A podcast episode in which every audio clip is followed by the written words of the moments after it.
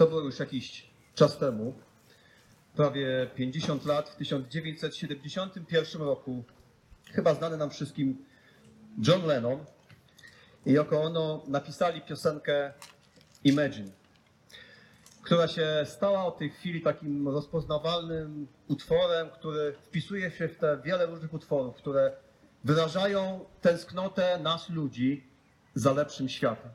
I może pamiętamy ten tekst, który mówił: Wyobraź sobie, że nie ma państw, że nie ma powodu, żeby zabijać i umierać, że nie ma żadnej religii. Wyobraź sobie ludzi, którzy żyją w pokoju. Wyobraź sobie, że nie ma własności, nie ma potrzeby, żeby być chciwym, nie ma potrzeby głodu. Ludzie są braćmi.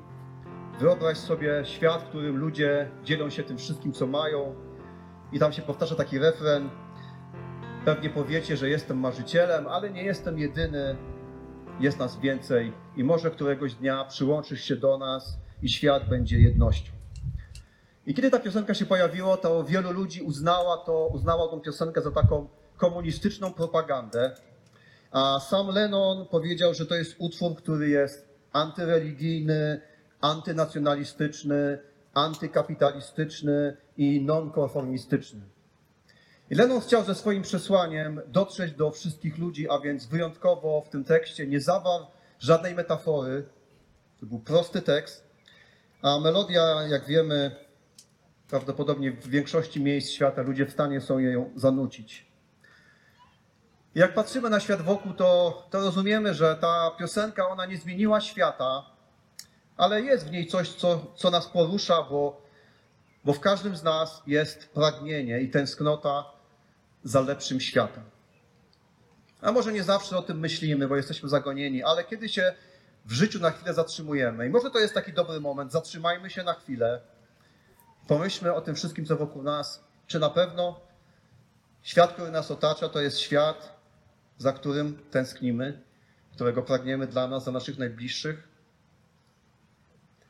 Myślę, że te dwa ostatnie lata i pandemii, te ponad 100 dni wojny, one bardzo często jeszcze bardziej rozbudzają w nas to pragnienie.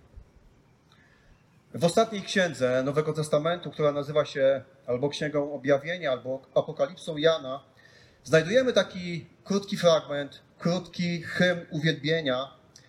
A my od kilku tygodni w Kościele uczymy się tego, że takie te krótkie hymny uwielbienia w Nowym Testamencie od greckiego słowa doksa, czyli chwała, to są doksologie. My się uczymy, że doksologie, one najczęściej, a właściwie zawsze opowiadają o Bogu, o Jego działaniu, o Jego naturze, o Jego charakterze, a potem nas wzywają do tego, żebyśmy zareagowali na to naszą wdzięcznością. I ta doksologia, której się dzisiaj przyjrzymy, ona podobnie opisuje Boga, wzywa nas do reakcji, ale też w jakiś sposób ona się odnosi do tego naszego pragnienia i tęsknoty za lepszym światem. Jan, jeden z apostołów Jezusa, autor Ewangelii, kilku listów, u schyłku swego życia został zesłany na wyspę Patmos. Rzymianie uznali, że jest niebezpieczny dla cesarstwa, że trzeba go odciąć od reszty kościoła. Jan był tym jedynym apostołem z tej dwunastki, który nie zginął w taką tragiczną, męczeńską śmiercią. I być może Rzymianie już uznali, że to, że oni zabijają apostołów, to niczego nie zmienia, bo Kościół ciągle się rozwija. A więc postanowili zesłać go na wyspę.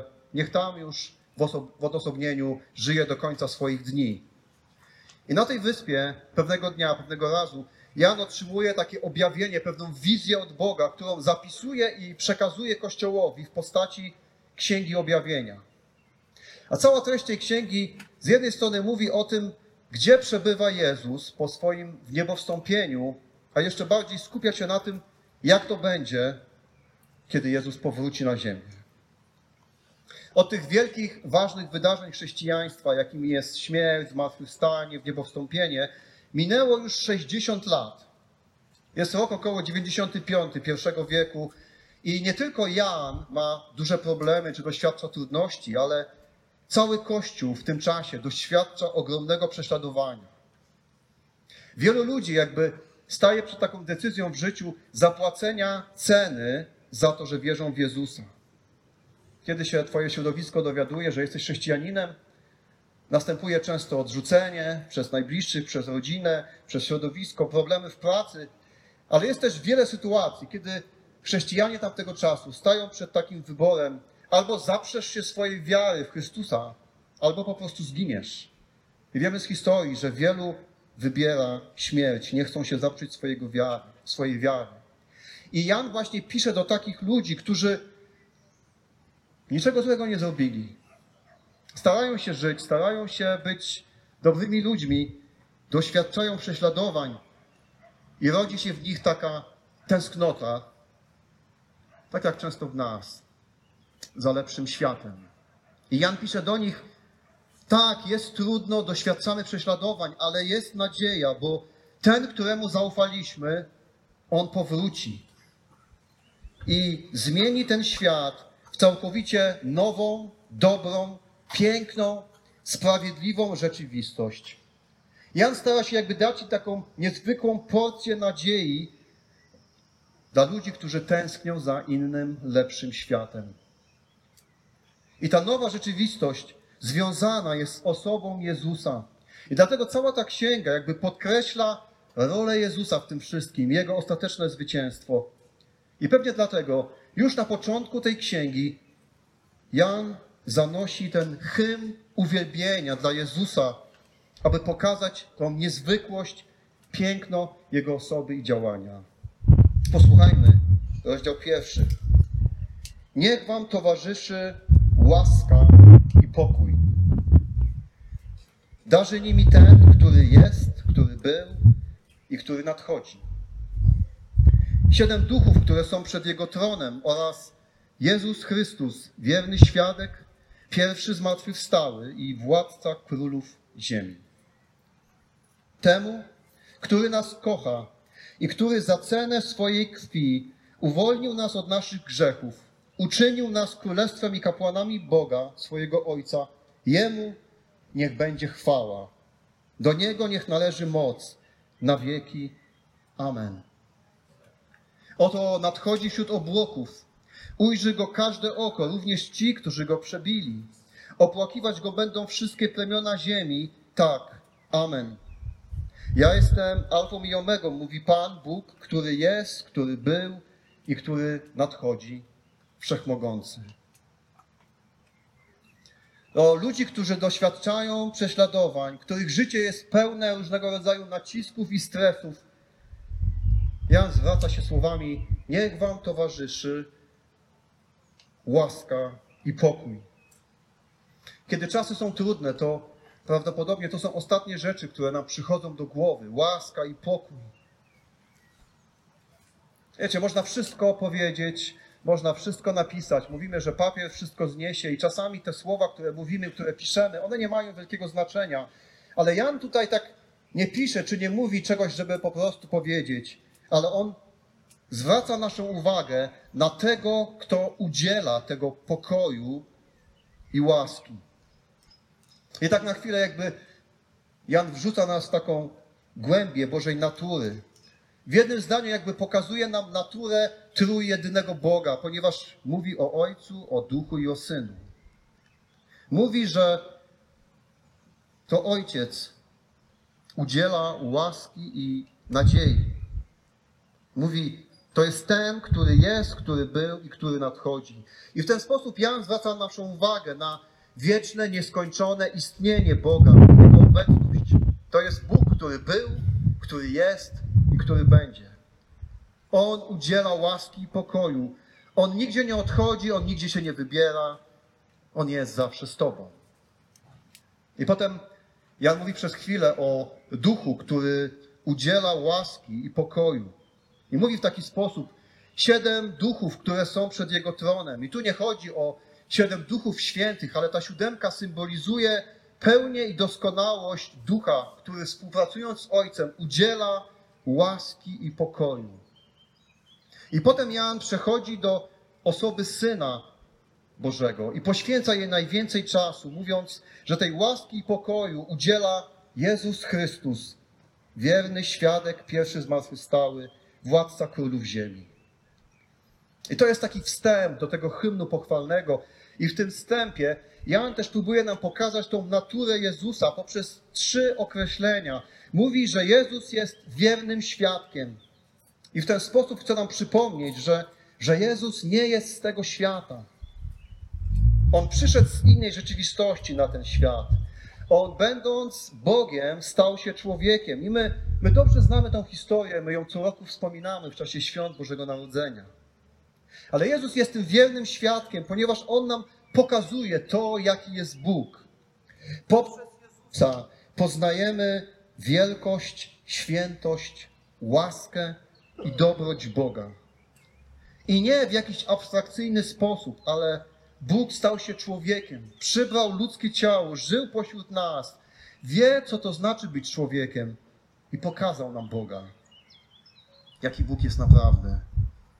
I teolodzy zwracają uwagę tutaj na słowo świadek, po grecku martus.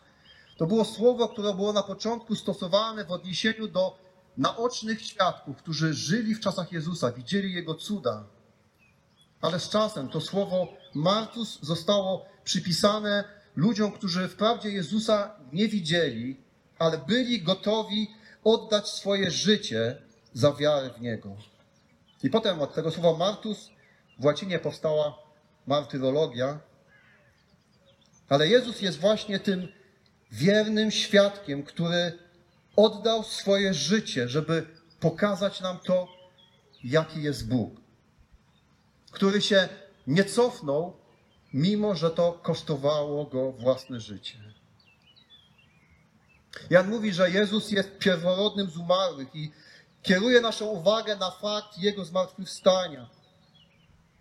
Na tą prawdę, że ponieważ On zmartwychwstał, zmartwychwstanie jest możliwe i możemy mieć nadzieję, że tak jak grób nie był końcem Jego życia, tak grób nie będzie końcem naszego życia. A potem Jan zwraca uwagę i mówi o Jezusie, że On jest władcą królów ziemi. Podkreśla tą prawdę, że pewnego dnia Jezus powróci i rozpoczną się Jego sprawiedliwe rządy. Że Jezus będzie panował nad wszystkimi systemami, rządami, władcami tego świata. Z powodu zmartwychwstania On już panuje, ale pewnego dnia Jego rządy staną się widoczne dla wszystkich. Wszyscy na całym świecie nie tylko wiedzą, ale będą musieli uznać panowanie Jezusa i wszyscy się pokłonią przed Nim. Żyjąc tu i teraz, widzimy często niedoskonałość tych naszych ludzkich, światowych systemów społecznych, politycznych, których czasami jesteśmy ofiarami. I próbujemy je zmieniać, i warto to robić, jednak pewnego dnia to, za czym tęsknimy, Jego królestwo nadejdzie w pełni. I ta prawda o Bogu inspiruje nas do tego, żeby być ludźmi, którzy kochają, którzy oddają Mu cześć. To z tego powodu śpiewamy pieśni, chwalimy Go, bo,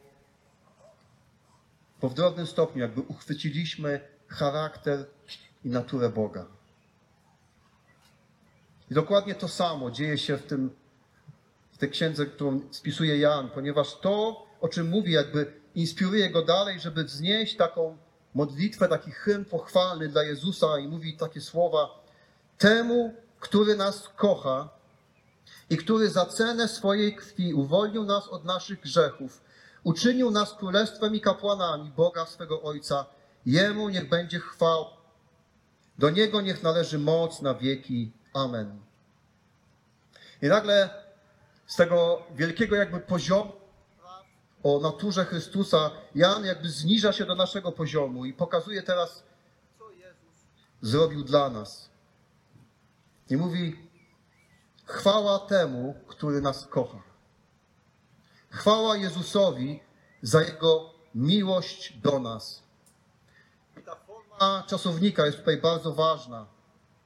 To nie jest tak, że On nas kochał w przeszłości, kiedy, kiedy byliśmy bardziej niewinni, idealistyczni czy altruistyczni. I to nie jest tak, że On nas będzie kochał w przyszłości, jak będziemy lepszą wersją siebie. On nas kocha dzisiaj. On nas zawsze kocha. Wiecie, gdyby to było możliwe, to z każdym z obecnych usiadłbym przy kawie, spotkałbym się, aby, aby powiedzieć Tobie prosto w oczy to proste zdanie: Bóg Cię kocha. Chciałbym to zrobić z każdym z Was i z każdym człowiekiem, którego spotykam w życiu. Bóg Cię kocha.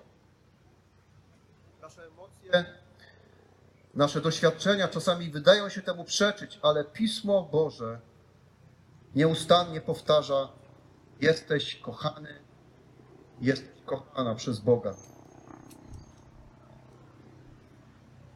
Dalej Jan mówi: Chwała Jezusowi za to, że nas uwolnił od naszych grzechów za cenę swojej krwi. Jego śmierć na krzyżu uwolniła nas od grzechów. Dla Żydów grzech i przelana krew, aby otrzymać przebaczenie, to były zrozumiałe symbole, ale dla nas one takie nie są. My jakby ciągle nie możemy zrozumieć, jak działa Boża sprawiedliwość. My nie możemy tego pojąć, że Bóg nie może tak po prostu machnąć ręką na zło, ale musi to, musi się tym zająć. Boża świętość nie pozwala Bogu zignorować zła. My nie rozumiemy często, czemu Bóg nakazał składanie ofiar i przelewanie krwi, ale ta przelana krew zawsze miała być takim widocznym znakiem tragedii i zła, jakie jest związane z grzechem. Pokazaniem, że grzech zawsze przynosi konsekwencje i zawsze ktoś cierpi. Ta przelana krew miała być ostrzeżeniem dla nas. Kiedy przyszedł Jezus, na krzyżu zapłacił za każdy grzech. Przelał swoją krew. I od tej pory już żadna krew z powodu grzechu nie musi być przelana. To była doskonała ofiara za grzechy. Jezus wziął na siebie to, co należało się nam. I teraz możemy być wolni od kary za grzechy, za cenę, jak pisze Jan, Jego krwi. I dalej w tym hymnie uwielbienia Jan wznosi chwałę i mówi: Chwała Jezusowi, który uczynił nas królestwem i kapłanami Boga, swojego Ojca. Poprzez to, co Jezus dokonał, kiedy w Niego uwierzyliśmy, staliśmy się częścią Jego Królestwa. A Królestwo Boże to nie jest obszar geograficzny, ale to jest Boże panowanie w sercu i w życiu człowieka. I kiedy Jezus przyszedł na ten świat, powiedział: Królestwo Boże jest pośród Was. Tam wszędzie, gdzie Bóg przez Chrystusa panuje w życiu człowieka, tam jest Jego królestwo. Tam, gdzie panuje Duch Święty. Staliśmy się częścią Jego królestwa, ale też Jan zauważa, staliśmy się kapłanami Boga. Już nie ma podziału na kapłaństwo i lud, ale wszyscy, bez żadnych pośredników, możemy przychodzić do Boga, możemy żyć w Jego obecności.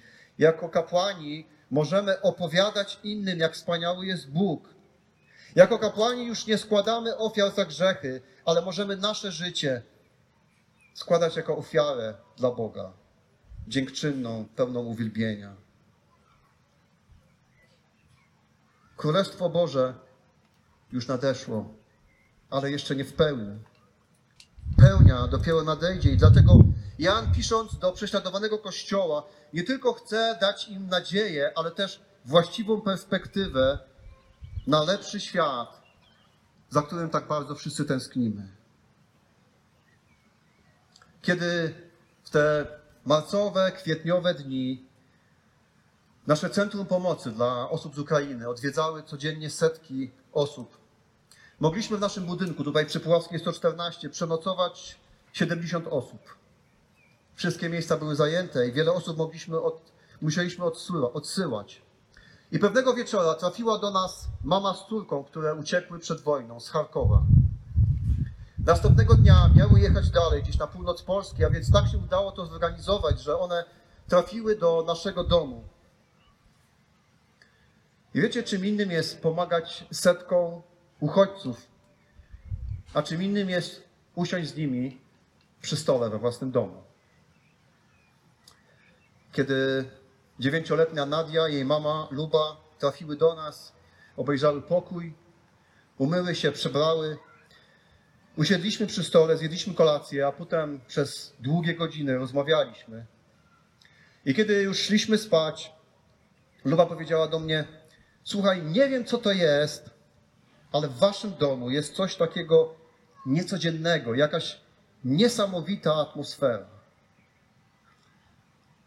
A ja popatrzyłem na nią i powiedziałem: Wiesz co? Chyba wiem, co to jest. Ona się tak nachyliła w moją stronę, a ja mówię do niej: Myślę, że to jest Boża obecność w naszym domu, w naszym życiu. I wtedy Luba z takim przejęciem, może nawet przestrachem, to się tak rozejrzała po okolicy. Powiedziała, Boża obecność. Aha. Wiecie, w tych ostatnich miesiącach wojny, myślę, że w niezwykły, zaskakujący sposób my doświadczamy tej realności Bożego Królestwa. Gdzie to, skąd jesteś, z jakiego państwa, nie ma znaczenia. Gdzie podziały i różnice między ludźmi się nie liczą. Gdzie ludzie nie chcą walczyć ze sobą, ale współpracują. Gdzie lu- ludzie zamiast gromadzić dla siebie, chcą się dzielić z innymi tym, co mają. I oczywiście nie stworzyliśmy świata z piosenki Imagine, bo marzenie o lepszym świecie bez Boga jest utopią. Ale w jakiś niezwykły, ponadnaturalny sposób doświadczyliśmy i doświadczamy takiego przebłysku, przedsmaku tego, co nadejdzie. Pełni Bożego Królestwa. A świat, który nadejdzie, chociaż trudno nam sobie to wyobrazić, będzie o wiele lepszy i piękniejszy od tego, za którym gdzieś instynktownie, wewnętrznie tęsknimy. I kiedy Jan o tym wszystkim pisze, to go prowadzi do takich myśli i do takiego zdania: Jemu niech będzie chwała, do niego niech należy moc na wieki. Amen. Jan nas wzywa do reakcji, mówi: Słuchajcie, tak się rzeczy mają, a więc oddajmy chwałę Jezusowi. Nie przypisujmy sobie zasług, ale Jemu, bo źródłem tego wszystkiego, co doświadczamy, jest Jego obecność pośród nas. I dalej Jan mówi: Oto nadchodzi wśród obłoków. Ujrzy go każde oko, również ci, którzy go przebili. Opłakiwać go będą wszystkie plemiona ziemi. I raz jeszcze Jan powtarza tą prawdę o powrocie Jezusa na obłokach. I to nie będą takie obłoki jak dzisiaj, to będą obłoki chwały, że wszyscy to zauważą, że wszyscy to dostrzegą. A ci, którzy Jezusa odrzucili, będą musieli się zmierzyć z tymi opłakanymi konsekwencjami swojego grzechu i sądu, który nadchodzi. Tak, amen. Ja jestem alfą i omegą, mówi Pan Bóg, który jest, który był i który nadchodzi, wszechmogący. Jezus przyniósł Boże Królestwo i za cenę swojej krwi umożliwił nam stanie się Jego częścią. I On nieustannie zaprasza każdego człowieka, aby stał się częścią Jego Królestwa. On jest gwarantem Jego pełni, która nadejdzie. On zasiada na tronie, dlatego Jemu należy się wszelka chwała i cześć. Bo naśladując Jezusa, możemy ten niedoskonały świat uczynić trochę lepszym. Ale świat, za którym tęsknimy, nadejdzie wraz z pełnią panowania Chrystusa i Królestwa Bożego. Powstańmy do modlitwy.